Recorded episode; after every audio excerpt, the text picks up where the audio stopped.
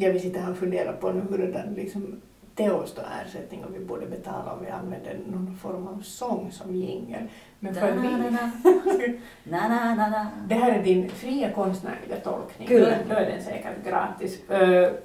Vi höll en liten paus här mellan avsnitten och, och jag lärde dig någonting om att dricka vatten. Ja, tack för Ja. den. Då du inte lärde dig någonting av mig i förra podden. jag gjorde men jag glömde bort det. Ja, men nu lärde jag dig att i Kina, där jag har varit ett antal gånger, så dricker man alltid eh, lite mer än rumstempererat vatten för att dina inälvor är förhoppningsvis inte iskalla, för då har vi ett problem. Det då är det ett stort problem. Utan de är ju säkert sådär med allt mellan 37 och 40 grader ungefär. Och för att du inte ska chockera dina inälvor så ska du alltså dricka varmt vatten. Häftigt.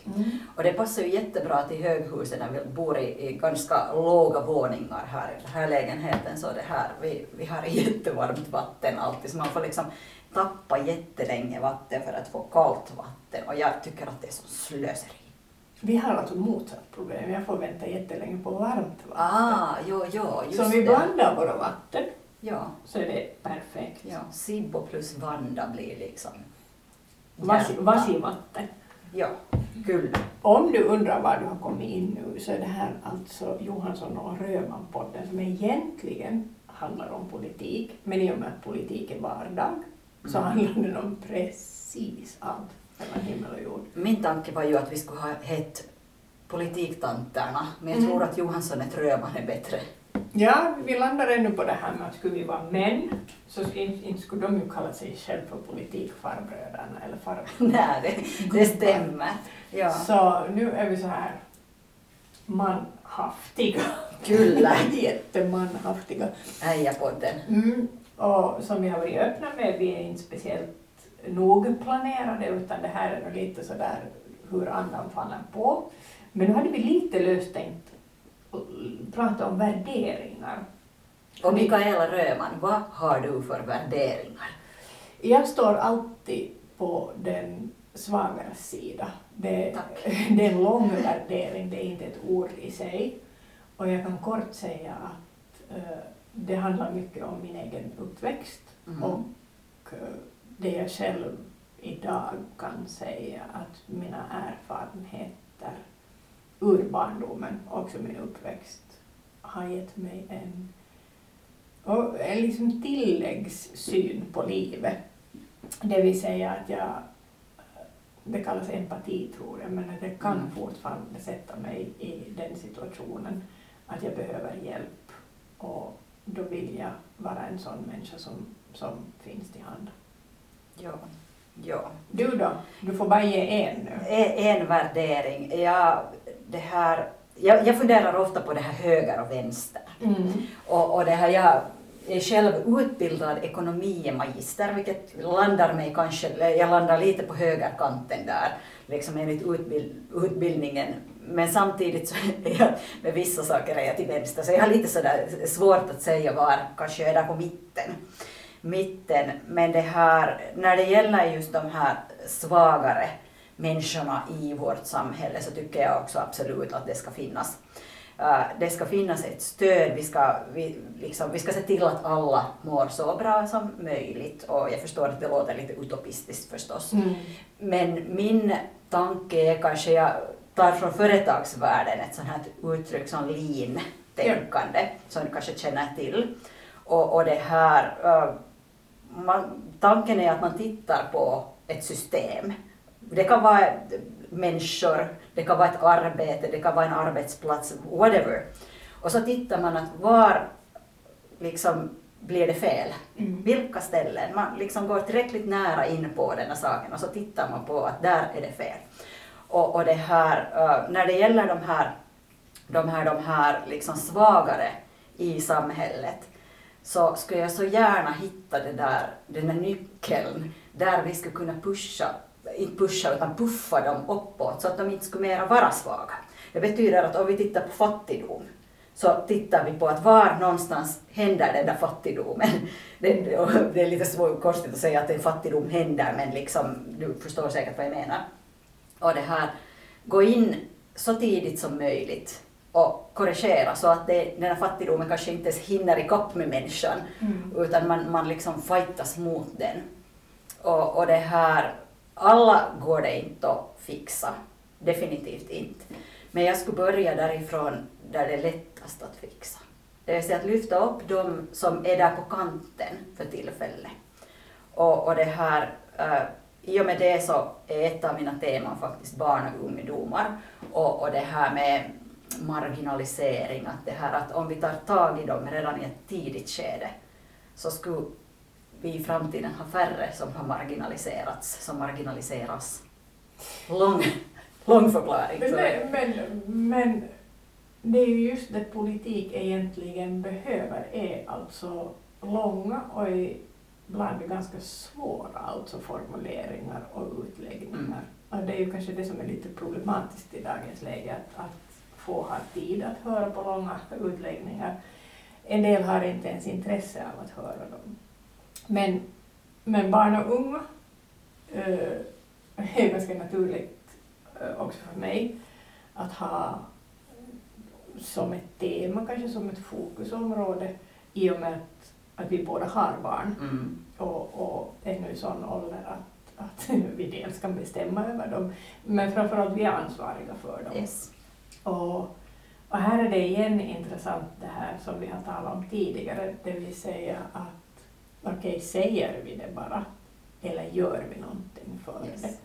Och där är det ju ganska spännande att använda då, jag menar oss själva som spegel. Jag har då två barn, Eh, det lilla är nio och stora är tretton. Mm. Så, så det är väldigt mycket känslor hemma hos oss just nu. Eh, där stora barnen spelar fotboll. Och, och jag som har väldigt mycket extra tid är alltså lagledare för det här fotbollslaget. Oh yeah. Som innebär att jag har väldigt mycket att göra med, med spelarna själva. Yes.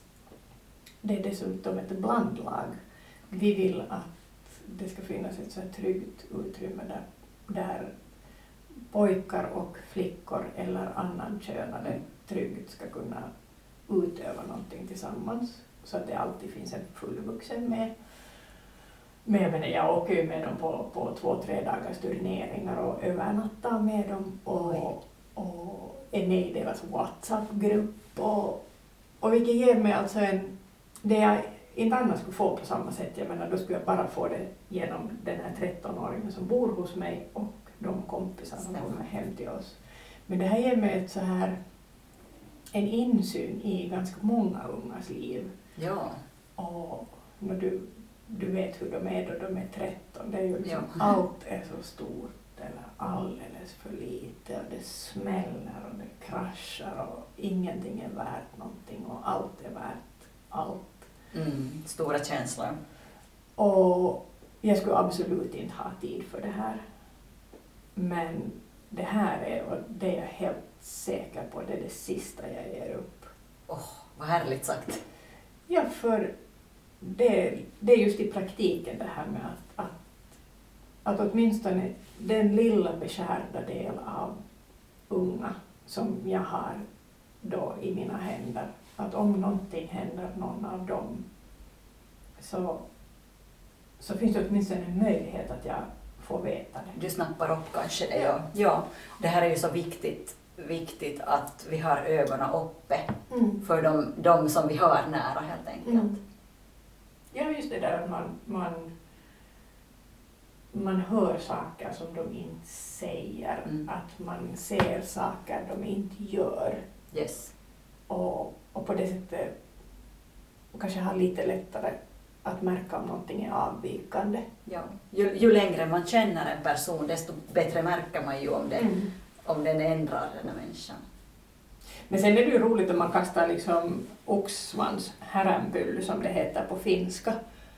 Jag menar, jag är ju minst lika intresserad av de äldre. Ja. Och då ja. blir det så här barn och unga och seniorer. Och också arbetsför ålder är jätteviktigt. ja där, där kommer vi till marknadsföringen, att det här, Ja. vad är din målgrupp? Ja, nej. Men, men seniorer alltså för mig äldre invånare Mm. eh, är igen kopplat alltså till, till till faktiskt någonting som är orsaken till att vi har lärt känna varandra, det vill säga Pargas Pargas. och mina farföräldrar. Ja. För jag är ju alltså då, jag kan inte säga att jag är uppvuxen med dem, men de hade en väldigt, väldigt, väldigt viktig roll i mitt liv. Ja. Och, och det, i och med att jag har förlorat mina farföräldrar nu så, Mm. så försöker jag ju ersätta dem med, med att äldre som jag har kontakt med i dagens läge ska ha det så bra som möjligt. Ah, just det, ja. ja. Så, och jag är medveten om att det alltid låter som goja då man säger att jag, jag är liksom på riktigt inte bara intresserad av utan orolig för att vi inte behandlar äldre på det sätt som vi borde behandla dem. Det här, är, det här är ju en jätte, jättestor fråga för tillfället och med, med liksom välfärdsområdena och allt det Mm. här, det här så, så det här är det ju aktuellt. Jag har, jag har sett det från, jag har både min mormor och min farmor, båda 90-plussare, så, så det här, båda är vid liv fortfarande. Eh, Den yngre av dem bor faktiskt hemma i Lappvik, Hangö. Och, och det här, eh, det går inte så jättebra alla gånger. Hon hade glömt plattan på vid något tillfälle och det här. Hon är ganska omöjlig att få någonstans och så har jag förstått att det finns inte heller några platser dit hon kan fara. Och, och det här, min farmor fick hålla på ganska länge och trilla och stöta sig och, och det här var, var blå och grön många gånger före hon fick sen en plats i det här, det var i Pargas, Pargas den här farmor, mummon i Lappvik då. Och det här, det verkar ju vara likadant. Min gra, granne, granne det här förlorade sin man här nyligen. Hon var, nä- vad heter det, den här Närstående vårdare. Ja, närstående vårdare heter det. Till honom i flera år och han var rullstolsbunden och det fanns inte plats för honom heller. Det, var, det var liksom flera gånger som de stod i kö och väntade och, och det här, det var väl på gång sen sist och slutligen men fortfarande så hon, hon 80-plussare fick ta hand om sin man ända till slut. Ja, alltså det här är ju nog någonting då, vi, då, då man försöker liksom binda sina värderingar vid någonting man på riktigt alltså vill förändra i hur samhället funkar idag. Jag menar just det här lean-tänket. Ja, Jag menar för tidigare fanns ju åldringshem, det vill det säga åldringshem. Ja. riktiga bäddavdelningar och åldringshem. Det vill säga för att jag menar, vi, få av oss är ju sådana att förutom dina, din mormor och farmor då, jag menar där den ena fortfarande bor hemma, att vi, vi bor hemma, klarar oss kanske med lite hemvård Mm. eller anhöriga som tar hand om oss. Och sen bara dör vi. Ja. Många behöver alltså, förlåt uttrycket, men en parkeringsplats som är trygg Ja. innan sen liksom sista andetaget tas. Och, och vi har ju alltså, samhället har ju städat bort majoriteten av de här platserna. Ja, det, det är skrämmande det. Och, och jag låter ju alltså som om jag skulle komma direkt från 60 och 70-talet nu, men jag, jag skulle nämligen vara beredd att liksom återuppliva Mm. nog, jag menar, åldringshem och uh, hederliga alltså bäddplatser, ett tillräckligt antal av dem. För jag menar nu då du nämnde den här 80-åriga grannen som hade jobbat som nä- närstående an, vårdare. Så jag menar, bara det arbete som många anhöriga gör för en usel ersättning, Mm. om de ens har kommit sig för att be om ersättning, så är ju en belastning just då vi landar på linen igen, jag menar där de ofta blir utmattade, Det de blir sjuka och, och man har ofta situationer där inte, jag menar ofta handlar det om äldre par Mm. där båda är insjuknade och sen istället för att få en plats så behöver vi akut två platser. Exakt. Och ännu värre om, om jag menar, det finns ju också barn och unga som, som behöver alltså anhörigvård. Absolut. Och där kan ju alltså hela familjer insjukna. Så, där så att sen behöver man helt plötsligt fem platser. Ja. Så jag vet inte om man kan ha det som liksom ett tema i sin kampanj, att jag vill ha fler bäddplatser. Ja, Och- och- man och kan, väl, man kan väl ha, men här när det gäller lintänket Mm. så gäller det, det, då skulle det ju gälla att eh, ta tag i det i ett tidigt skede.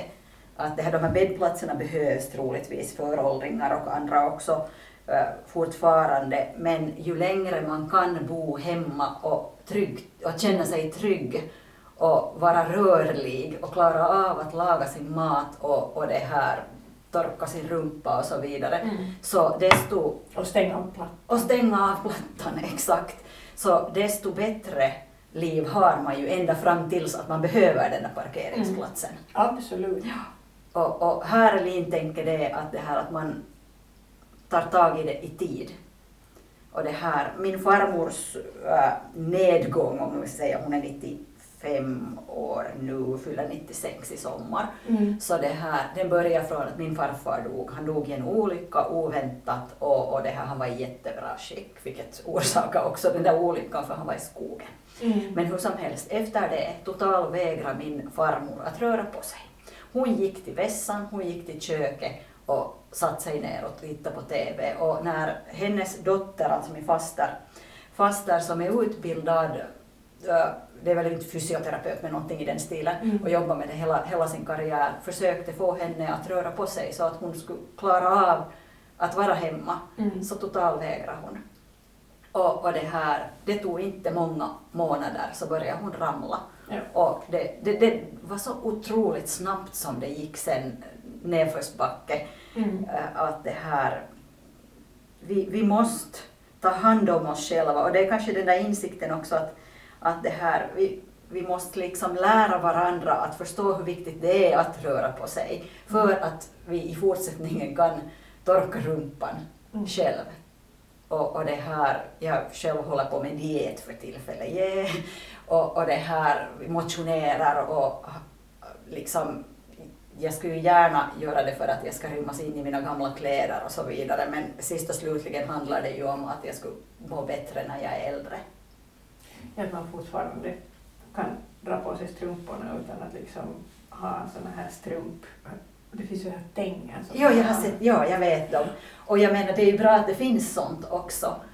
Men ju längre man mår bra hemma och är rörlig, Mm. desto färre behöver sen den där bäddplatsen eller den där parkeringsplatsen sen Mm. vid något tillfälle. Eller desto kortare kanske man behöver.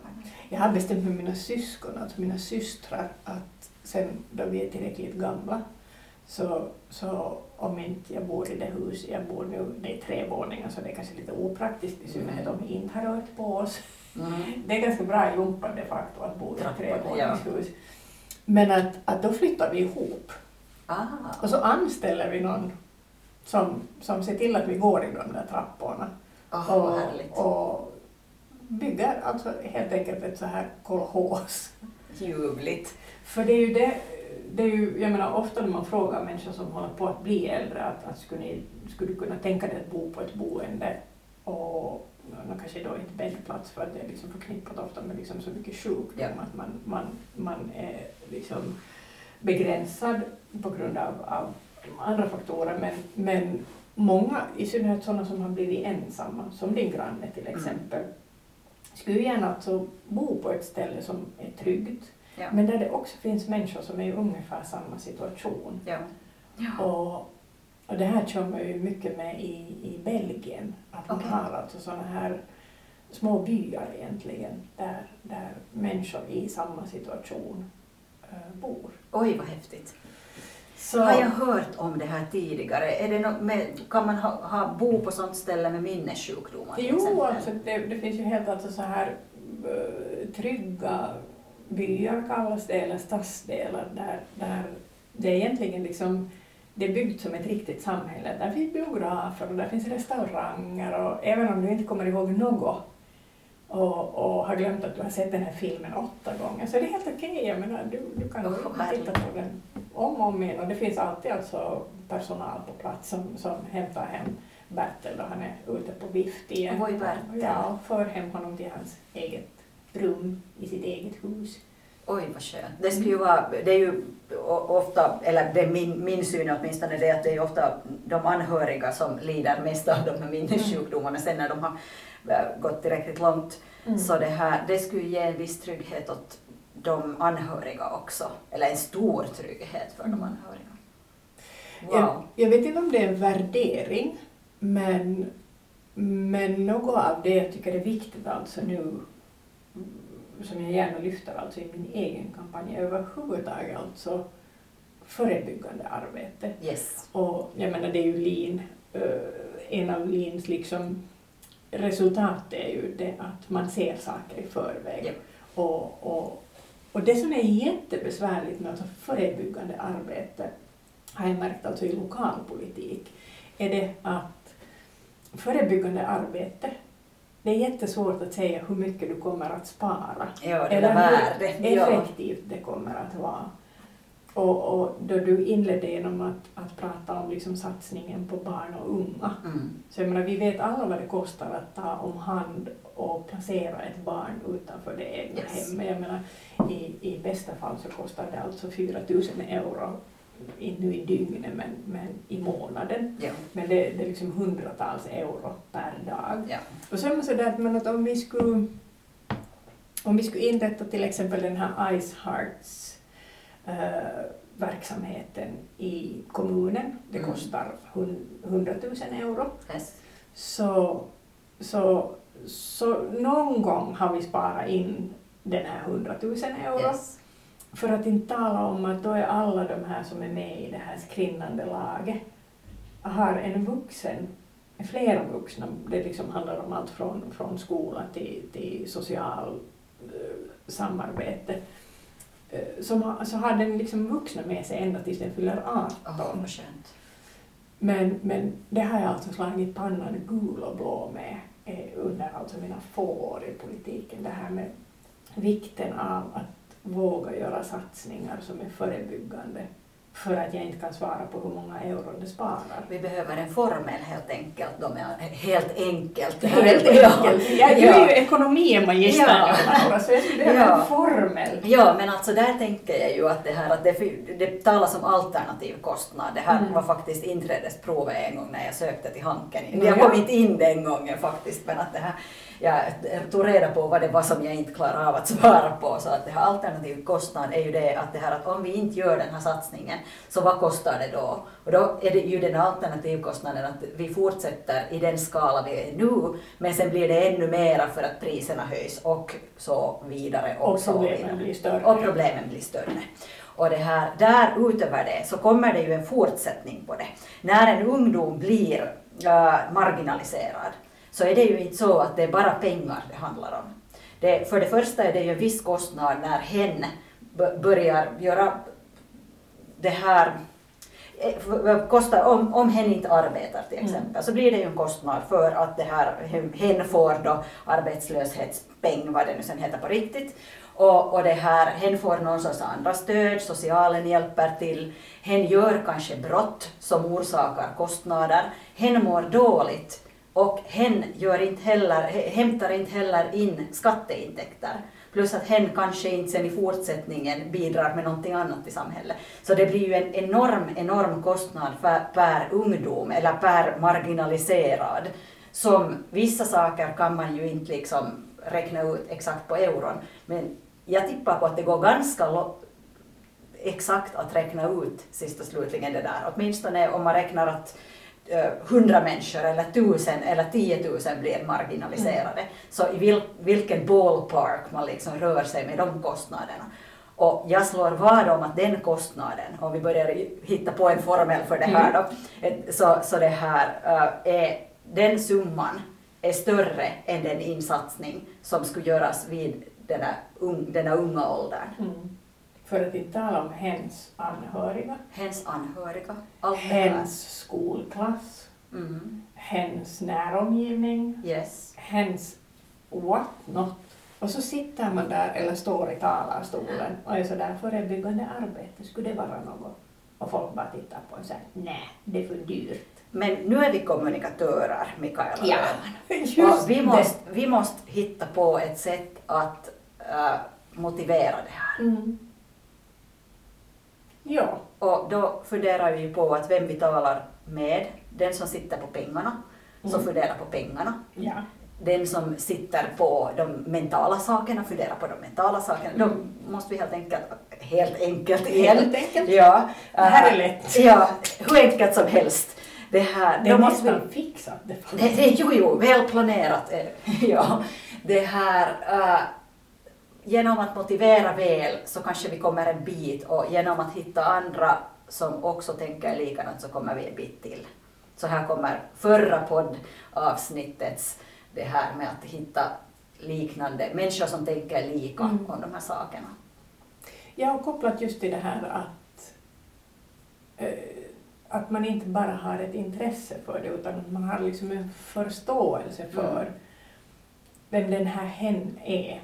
Ja. Att man ser vad det är som bidrar till att hen blir marginaliserad. Yes. Och sen 40 år senare konstaterar vi vid gravstenen att hen var bara en kostnad hela sitt liv. Ja. Hen var ändå någons barn. Hen var någons barn. Hen var eventuellt någons förälder. Och Hen skulle ha kunnat vara någons förälder. ja, Och hur mycket hen gick, led själv. ja. Och det på något vis det här jag tror och hoppas att vi kan bidra med Mm. i, antingen i politiken men också annars. Jag har ju, på finska säger man oma lehmä ojas, alltså om vi direkt översätter det så jag har min ko i, Egen, egen ko i diket. Ja. Kan man säga det på svenska? Nej, det går faktiskt inte att översätta. Jag, jag jag, har- sagt det en gång till en rikssvensk artist och hen blev riktigt arg på mig för hen förstod inte alls vad jag pratade om. Men, men i, jag tror att i svensk film Egen ko i diket. Ja, alltså emellanåt gillar jag ju att leka med orden Ja. på det här sättet. Man använder faktiskt de här uttrycken och fel. Ja. Men, men det här uh, oma lehmä ojassa på det sättet att äh, jag, jag har ett barn och jag har lovat tala om det här nu. Jag har diskuterat den här saken med min 14-åring. Så jag har en son som, som har koncentrationssvårigheter och dyslexi. Och, och det här, äh, jag har växt upp med vissa människor som påminner jättemycket om honom. Mm. Och det här, två av dem har dött i alkoholism. Och, och det här, grejen med koncentrationssvårigheter är ju också det ofta, de är förknippade med låg impulskontroll. Det betyder att det här att om någonting smakar gott så äter man det. Mm. Man, man liksom söker efter de här snabba belöningarna. Och då kommer vi ju in på alkohol, Beroende. knark, beroende, alla beroende Mm. faktiskt.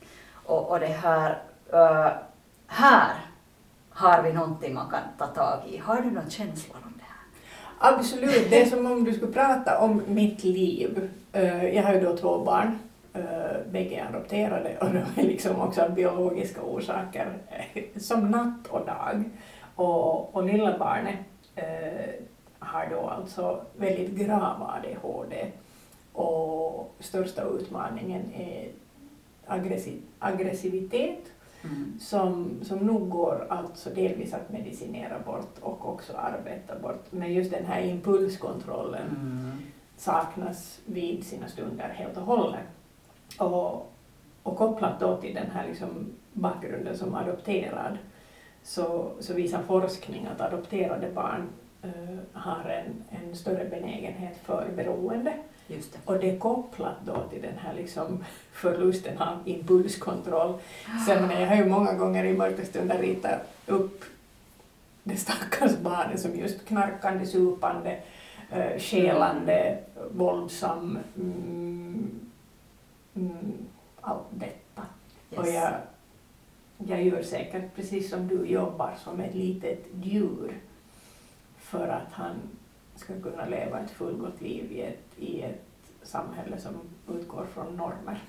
Där ser vi ju skillnaden faktiskt. När, när vi har egna barn som har de här utmaningarna, min son har ADD som är, det saknar alltså den här hyperaktiviteten Mm. men annars händer det samma saker i hjärnan.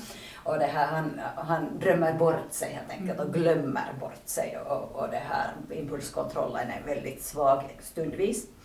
Men, men det här, i och med att vi ser vad de är nu och så ser vi olika sorters framtid, framtider, Jo. så, så det här, då ser vi ju skillnaden verkligen. Mm. Jag, min son drömmer om att jobba på Porsche som en planerare av nya bilar. Jag vet inte vad titeln skulle vara, men att det, det är vad han ser. Mm. Och, sa, och jag ser det också att han har liksom den talangen, han är helt galet duktig på motorer och sånt Mm. här.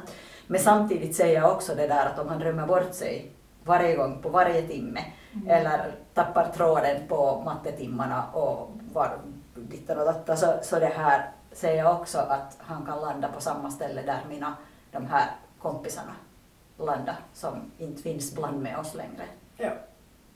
Och det här är ju alltså, det här är en utmaning i politiken, i synnerhet nu med, genom att vi är så öppna, genom att vi, vi, vi har den här egna kon planterad där i diket, är just det här att, att, att ha den erfarenheten och lyfta den till en nivå där det, det gäller människor i, i samma situation, Mm. men också människor som, som har en helt annan ko i diket, men att vi kan liksom applicera den oron och, och bekymret för hur det ska gå för den här deras ko som de har i diket. För det är just det här med att, att inte bli fast för att driva sin egen sak, utan för Mm. att ha en erfarenhet som, som leder till att man har kapacitet att driva mångas sak. Absolut. Och det här kan jag uppleva, vi, jag menar som du nyss nämnde, vi är kommunikatörer Mm. och har ganska mycket skinn på näsan. Mm. Och, och vi är så pass insatta så att jag vet ju exakt vem jag ska ringa om, Ja. om den här min egen lilla ko, nej mitt barn. om, om vi har ett problem, om vi har en svårighet eller om jag behöver hjälp eller om jag bara måste få säga åt någon att nu helvete, nu orkar jag inte mera. Yes. Så jag vet ju exakt vem jag ska kontakta. Och så har jag orken att göra det Ja. åtminstone just nu. Men sen finns det ju de som inte, som inte vet vem de ska kontakta. De vet kanske inte att det finns ett problem, problem överhuvudtaget. Ja, du börjar där i linändan. Ja. ja, du har helt rätt. Och, och jag menar i den här liksom djungeln, jag menar nu i välfärdsområdeslivet dessutom, Mm. att, att vad är det nu för telefonnummer som, som gäller? Mm. Sen den där skammen, jag menar vi har säkert båda gått igenom det, att vad fan Yes. har jag gjort för fel? Att det blir liksom inte något Varför, på den här varför, ungen. ja, varför får inte jag fixat det som alla andra får Ja, fixat? varför är jag inte en sån där bra förälder som alla andra? Så är det skammen som är förknippad Mm. med det. Eh, och sen om man får ett första du kan ringa tillbaka om två veckor eller det låter inte som om ditt problem skulle vara akut Mm. så kanske det är just det som knäcker ryggen. Det kan ta två år att få läkartid, har jag hört också en gång. Ofta är det ju inte alltså ens läkartid man behöver. Nej. Ofta behövs det, men jag menar som jag just sa, ibland måste man ju bara få säga åt någon att om inte någon nu hjälper mig så kommer jag bryta nacken av någonting väldigt viktigt. ja. Eller alltså det här måste, om då någon nu lyssnar så, så jag har gjort det alltså till min sak att då jag är riktigt frustrerad, arg eller trött i, i förhållande till det här barnet som är ganska utmanande i en familj där vi alla andra också försöker leva ett fullgott liv så har jag alltså gjort det till min sak att ibland gå in i ett ö, rum där det här barnet naturligtvis inte hör mig och säger riktigt fula saker för att garantera att jag inte gör någonting riktigt fult eller galet. Ja, ja. Skyddsmekanism. Ja, alltså, Ja. nå, du, du vet att ibland så, så jag menar man drabbas av lust att slå någonting. Jag säger Ja. inte att man drabbas av lust att slå barnet, men att liksom hacka knytnäven rakt in i Ja, betongväggen. ja, jag förstår. Jag förstår. Så, så för att man inte ska behöva göra det så måste jag ibland säga väldigt fula saker. Ja. Vilket alltså har Du lett är till kommunikatör helt Ja. enkelt. Men alltså i och med att det här lilla barnet går i, i finsk skola och den finska svordomen som hänvisar till det kvinnliga könet, Vittu. just det, Ja. tack Varsågod. Så han, han använder ju det frekvent och vet, så ja. rakt upp i ansiktet på mig innan medicinen biter. Ja. Och jag har alltså under de åtta år han har bott hos oss och under de 20 år han har pratat så jag har alltså varit tvungen att garantera för mig själv att jag aldrig har sagt det ordet så att han hör det. Ja. Så att jag kan säga med, med, med, med rent hjärta att han inte har lärt sig det hemifrån.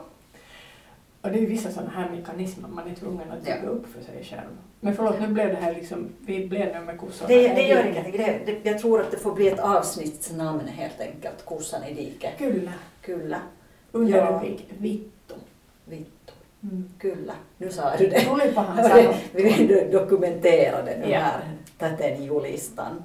Ja, det här, jag tror att vi har pratat ganska länge så nu skulle vi kunna avrunda det här. Vi får fortsätta med värderingar helt enkelt i följande avsnitt. Men nu ska jag testa förutom det här drick varmt vatten. Mm. Vad annat har du lärt dig i den här podden? Jag har lärt mig att man kan gå in i ett rum och skrika högt fula saker så att inte barnet äh, blir utsatt helt enkelt.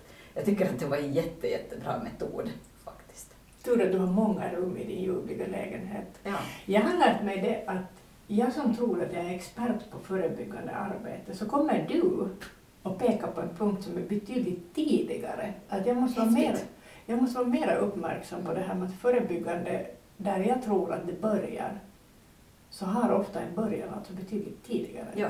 ja, då kanske det inte blir ett problem. Ja. Ja, bra, härligt. Vi hörs igen i nästa podd. Det här det, det, det var Johansson och Röman igen. Johansson och Röman, kyllä. Hej då. Hej då!